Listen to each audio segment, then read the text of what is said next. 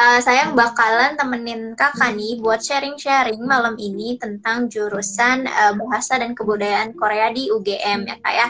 Nah sebelumnya nih kak, adakah uh, opening statement atau nih perkenalan kakak buat teman-teman yang uh, gabung sama kita di live session kita hari ini kak? Boleh kak? Oke, okay, uh, pertama-tama selamat malam. Uh, Assalamualaikum warahmatullahi wabarakatuh. Halo semuanya yang nonton.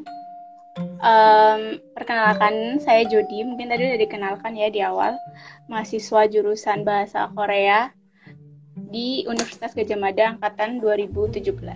Semester 7 lebih tepatnya. Terus untuk membuka ini semoga acara ini bisa bermanfaat buat teman-teman yang kepo ataupun penasaran sama uh, jurusan yang sebenarnya masih jarang di Indonesia ini yaitu jurusan bahasa Korea.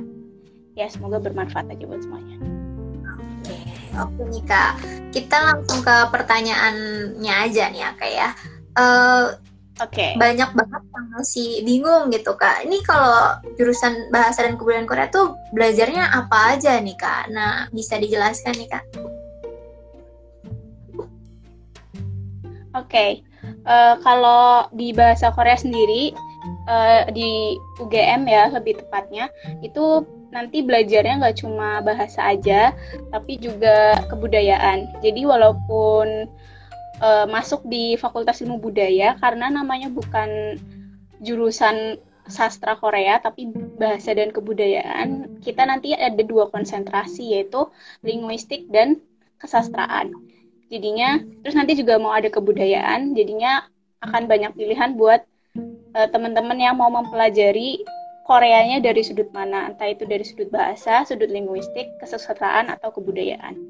Gitu sih kalau uh, tentang mata kuliahnya. Oke nih kak. Nah untuk uh, uh, apa ya kak praktikum misalnya atau lingkungan hmm. belajarnya sendiri itu gimana nih kak? Oke, kalau praktek mungkin karena kita humaniora ya. Nanti juga kalau udah lulus gelarnya adalah sarjana humaniora. Jadi kita banyak praktek yang secara lisan untuk bahasa dan juga secara uh, tulisan untuk isai-isai. Jadi uh, rata-rata tugas terutama yang kesusastraan dan kebudayaan itu banyak yang uh, berkecimpung di isai baik bahasa Indonesia, Inggris maupun Korea. Terus juga lingkungan belajarnya kalau menurut saya sih efektif efektif saja karena satu angkatan hanya terdiri dari 35 sampai 40 mahasiswa sampai saat ini. Jadi belum ada satu angkatan yang melebihi 40 mahasiswa. Jadinya untuk pelajaran masih kondusif-kondusif saja dan juga mungkin ada itu ya kayak eh, pandangan kalau yang di bahasa Korea tuh K-popper semua atau mungkin fanboy, fangirl semua gitu. Ya walaupun mayoritas iya, tapi ada juga yang kayak masuk bahasa Korea tuh karena peluang kerjanya ataupun gak terlalu suka tapi uh, emang pilihan kedua seperti itu juga ada. Jadi buat teman-teman yang masih ragu ataupun merasa nanti bakal jadi anak alay, tenang aja, gak separah itu kok. Oke, itu kan hanya ini ya kayak uh, anggapan masyarakat aja gitu ya. Halo Intipers! Sebelum lanjut mendengarkan podcast ini, kami dari intipkuliah.com punya info menarik untuk kalian siswa SMA sederajat. Ayo ikuti tryout online persiapan masuk perguruan tinggi secara berkala bareng Intip Kuliah. Selain itu, bagi kalian yang masih bingung pilih jurusan kuliah, bisa ikut psikotes dan konsultasi jurusan secara online bareng psikolog atau konselor di Intip Kuliah. Nah, untuk informasi lebih lanjut, kalian bisa chat WhatsApp kami di 0821 2222 0486 atau kunjungi website intipkuliah.com. Selamat mendengarkan kembali Intipers.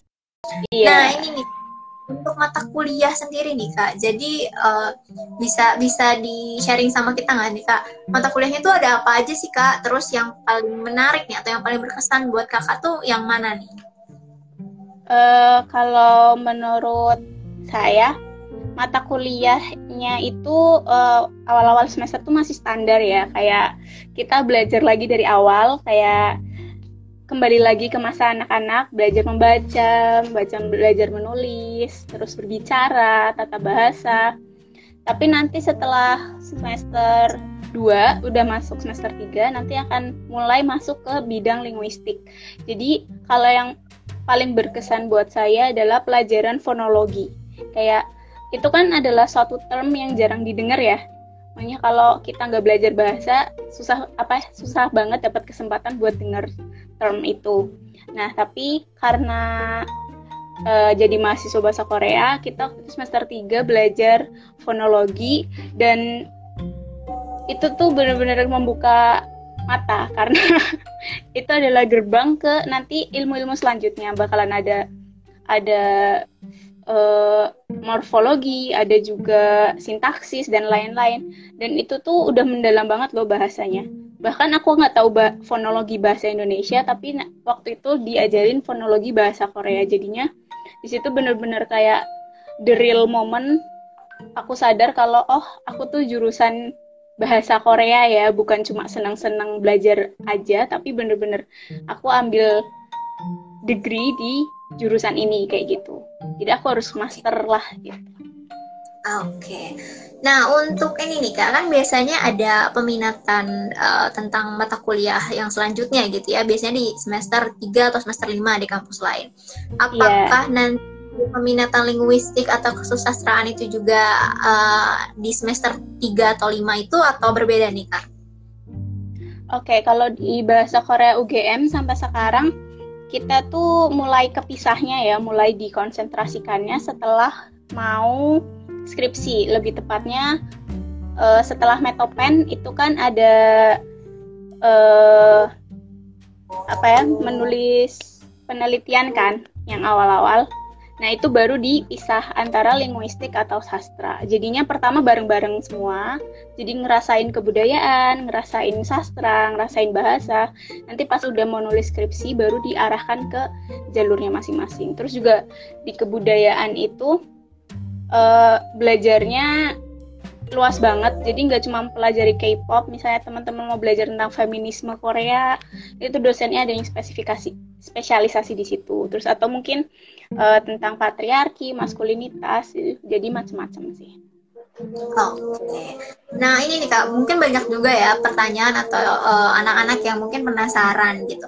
Apakah di uh, jurusan bahasa dan kebudayaan Korea UGM ini juga ada kesempatan nih buat mahasiswanya belajar ke Korea, entah itu uh, pertukaran pelajar atau misalnya summer school di apa difasilitasi oleh UGM apa gimana nih kak?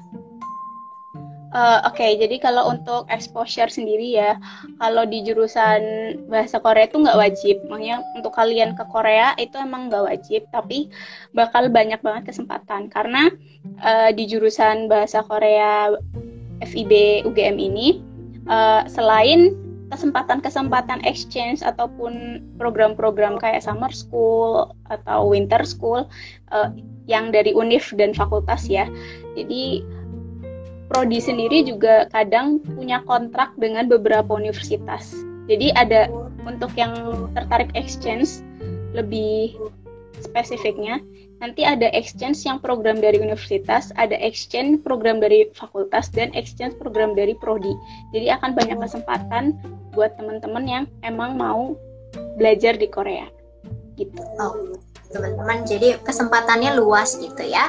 Nah, uh, ini nih Kak kenapa nih alasan kakak nih kenapa pilih jurusan uh, bahasa dan kebudayaan Korea di UGM lagi nih kak nah, boleh di sharing kan? Iya. Oke, okay.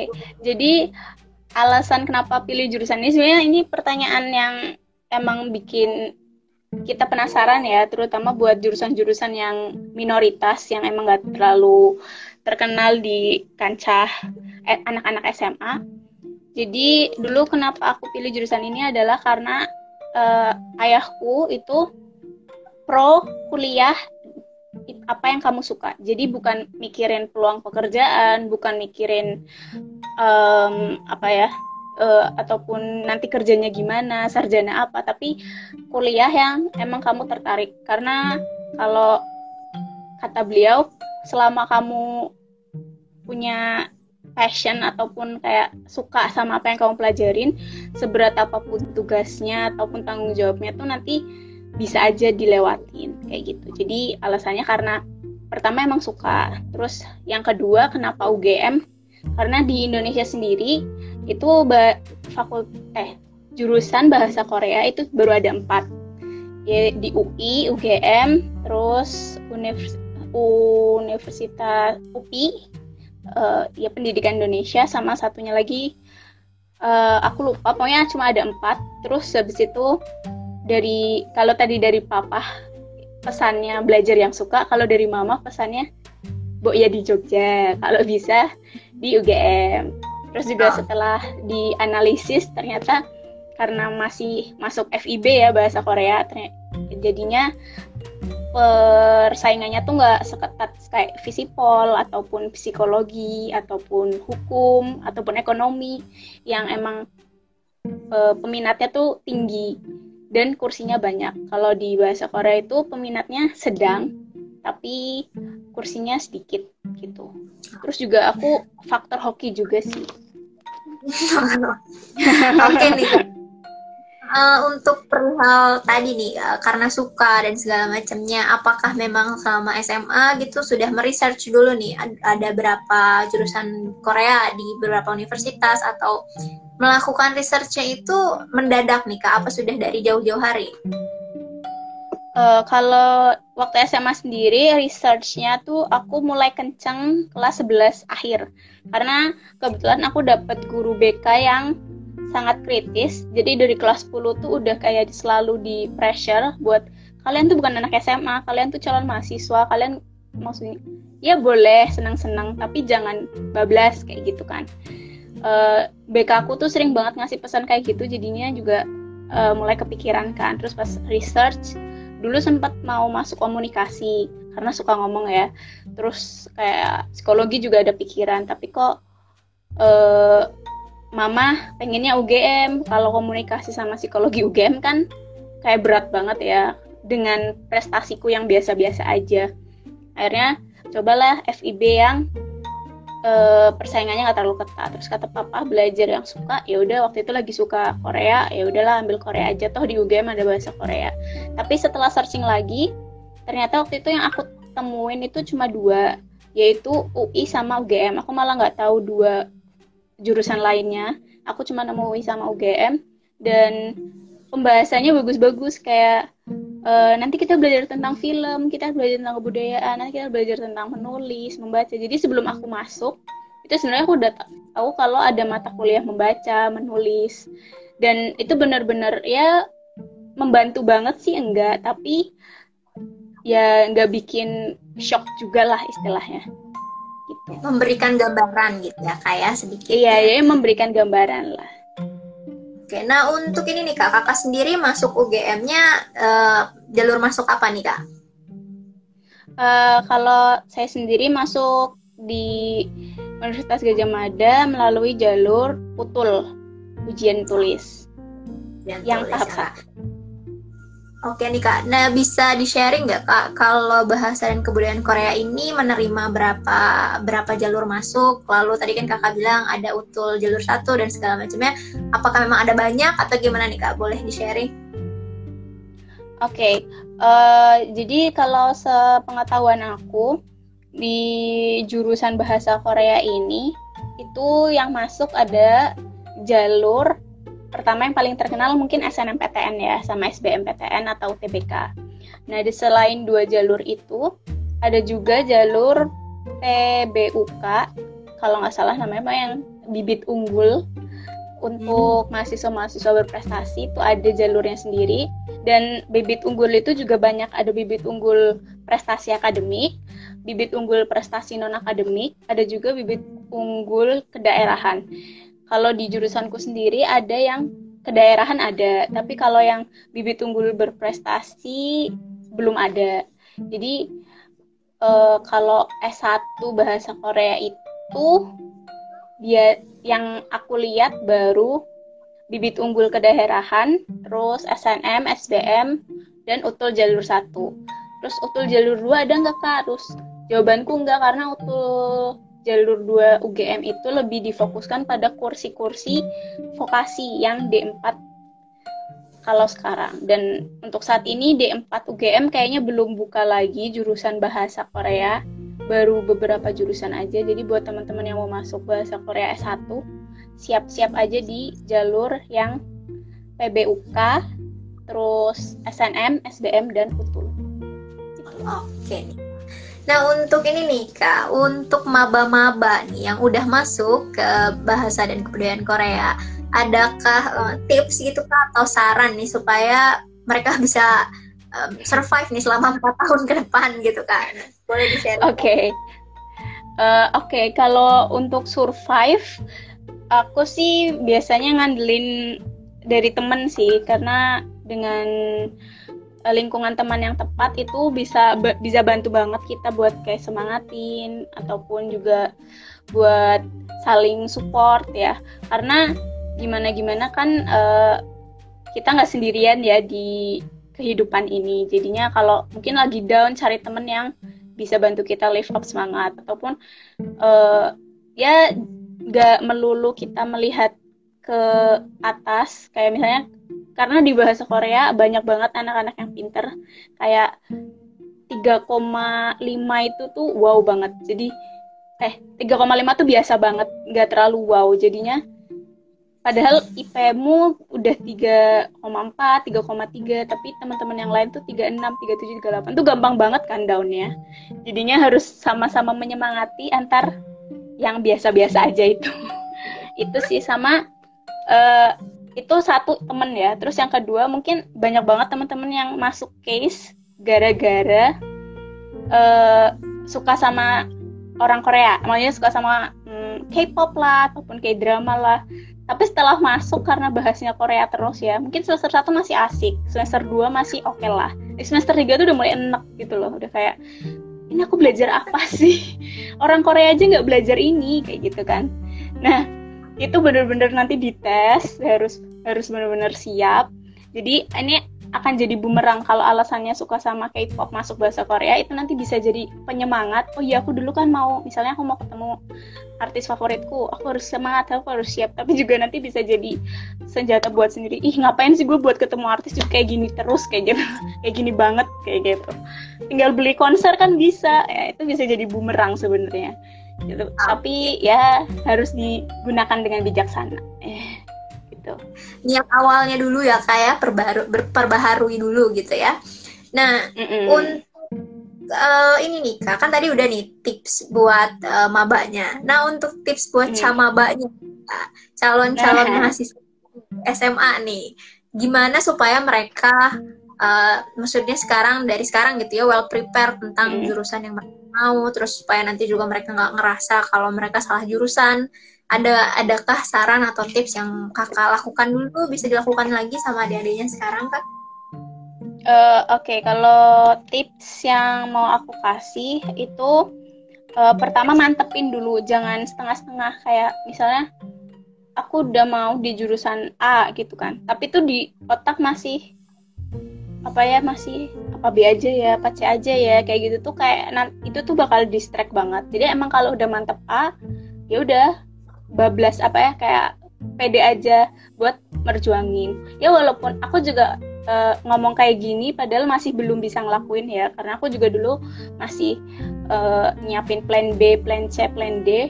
Tapi uh, sebelum plan A kelar aku nggak bakalan mikirin plan B. Jadi uh, aku punya plan B tapi nggak aku pakai gitu loh. Selama plan aku belum selesai gitu. Jadinya dimantepin dulu dan mantepinnya tuh nggak cuma belajar ya. Mantepinnya juga sama doa sama restu orang tua. Itu sih yang paling uh, yang paling mempengaruhi menurut aku. Karena secara mental ya walaupun kita fisik udah siap ilmu udah siap kalau dari spiritual dan juga hubungan sama yang di atasnya kurang mantep itu nanti juga yang lainnya bakalan susah. Itu aja sih yang mau aku kasih tahu ke camaba-camaba Oke tuh bisa dilakukan ya teman-teman dari sekarang nih dipersiapkan dengan baik gitu ya. Nah ini nih kak banyak banget juga yang cerita. Yang maksudnya masih banyak kebingungan nih kak. Prospek hmm. kerja dan uh, jurusan bahasa dan kebudayaan Korea ini nih kak. Karena kan biasanya orang, -orang mikir oh nanti jadi translator doang gitu nih kak. Nah ini nih uh, kesalahan kesalahan uh, pola pikir ini nih kak. Boleh diceritain nih kak. Oke, okay, jadi sebenarnya prospek kerja ini nggak cuma di bahasa Korea aja ya, sebenarnya di semua jurusan. Itu kayaknya ada ada kayak satu dua tiga pekerjaan yang kayaknya kalau gue lulus harus jadi itu kayak gitu.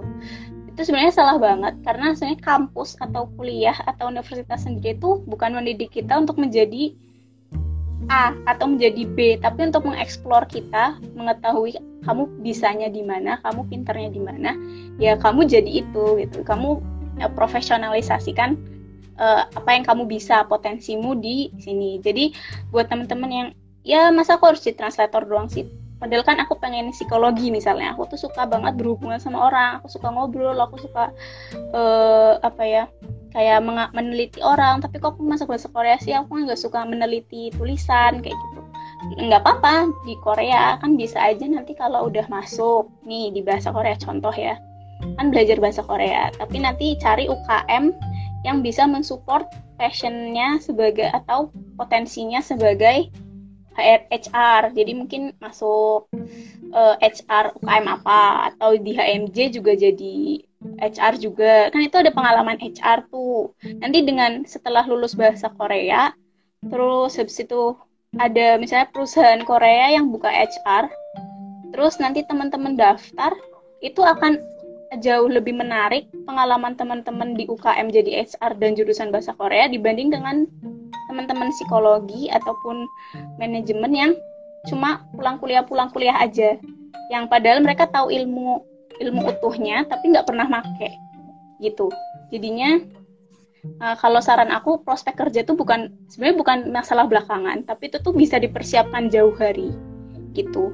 Terus juga di bahasa Korea sendiri kalau lihat dari kakak-kakak tingkat ya, aku perhatiin itu kebanyakan mereka terjun di pendidikan satu, yaitu nerusin S2, terus juga jadi tutor, jadi tentor di kayak perusahaan pelatihan bahasa ataupun di ya atau bikin pelatihan sendiri juga banyak.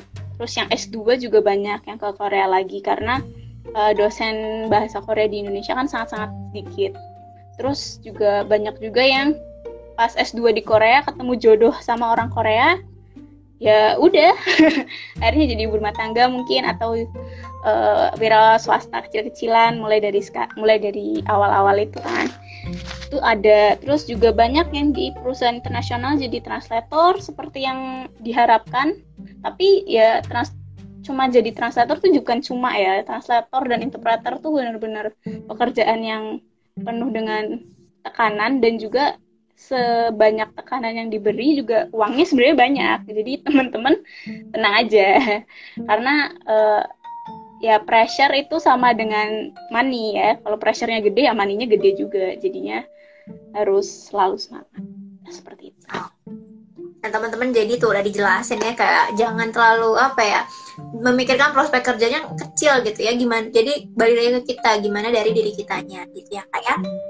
Nah untuk ini nih kak karena kakak udah semester 7 nih udah udah akhir tahun nih tahun terakhir ya kak ya ada rencana nggak nih rencana ke depannya nih apa rencana jangka pendek atau jangka panjangnya nih kak bisa sharing sama kita? Um, kalau rencana jangka pendek karena ini udah bulan Desember ya, ini kan November akhir udah mau masuk Desember. Kemarin udah dapat dosen pembimbing, terus juga hmm, topik skripsi kayaknya sih udah mantep, tinggal ya mungkin revisi-revisi sama dilanjutin. Uh, rencana pendek jelas nyelesain skripsi ya karena kalau skripsi nggak kelar bisa apa kan kita butuh degree juga butuh uh, itunya ya lulusnya ya. Tapi di sisi lain juga karena ini bulan Desember kan nanti ada liburan ya liburan antar semester. Terus itu lumayan. Kalau aku dengar dari kakak tingkat itu liburan antar semester tuh bimbingannya nggak terlalu Sparta jadinya kan bisa lah ada waktu-waktu selo. Terus juga kan nggak ada mata kuliah lain kan paling cuma bimbingan. Aku rencana sih buat internship di startup. Karena kalau internship di startup tuh kayaknya hmm, peluang kontribusinya tuh lebih besar dibanding ke kayak lembaga-lembaga yang udah fix ya kayak mungkin lembaga PT yang udah gede nanti malah jadi tukang fotokopi. Ya mending di startup yang kecil. Gajinya juga ya walaupun gak terlalu besar tapi banyak pengalaman yang bisa diambil. Itu untuk jangka pendek. Terus untuk jangka panjang pengennya sih setelah lulus pengennya sih langsung kerja. Terus kalau kerja udah dapat pengalaman yang cukup atau mungkin aku udah mulai ngerasa ada hmm, topik ataupun studi yang pengen aku dalami kemungkinan besar sih kalau nggak marketing komunikasi. Aku pengen lanjut S2 di Korea karena beasiswa S2 di Korea itu sebenarnya banyak banget. Apalagi kalau teman-teman rajin liatin uh, apa poster-poster beasiswa dan juga apa CSR-nya perusahaan. Jadi banyak banget CSR perusahaan yang butuh misalnya manajer atau mungkin vice president yang uh, fasih bahasa Korea atau lulus S2 di Korea. Jadinya teman-teman bisa manfaatin itu buat belajar lebih dalam lagi. Itu sih jangka panjangnya.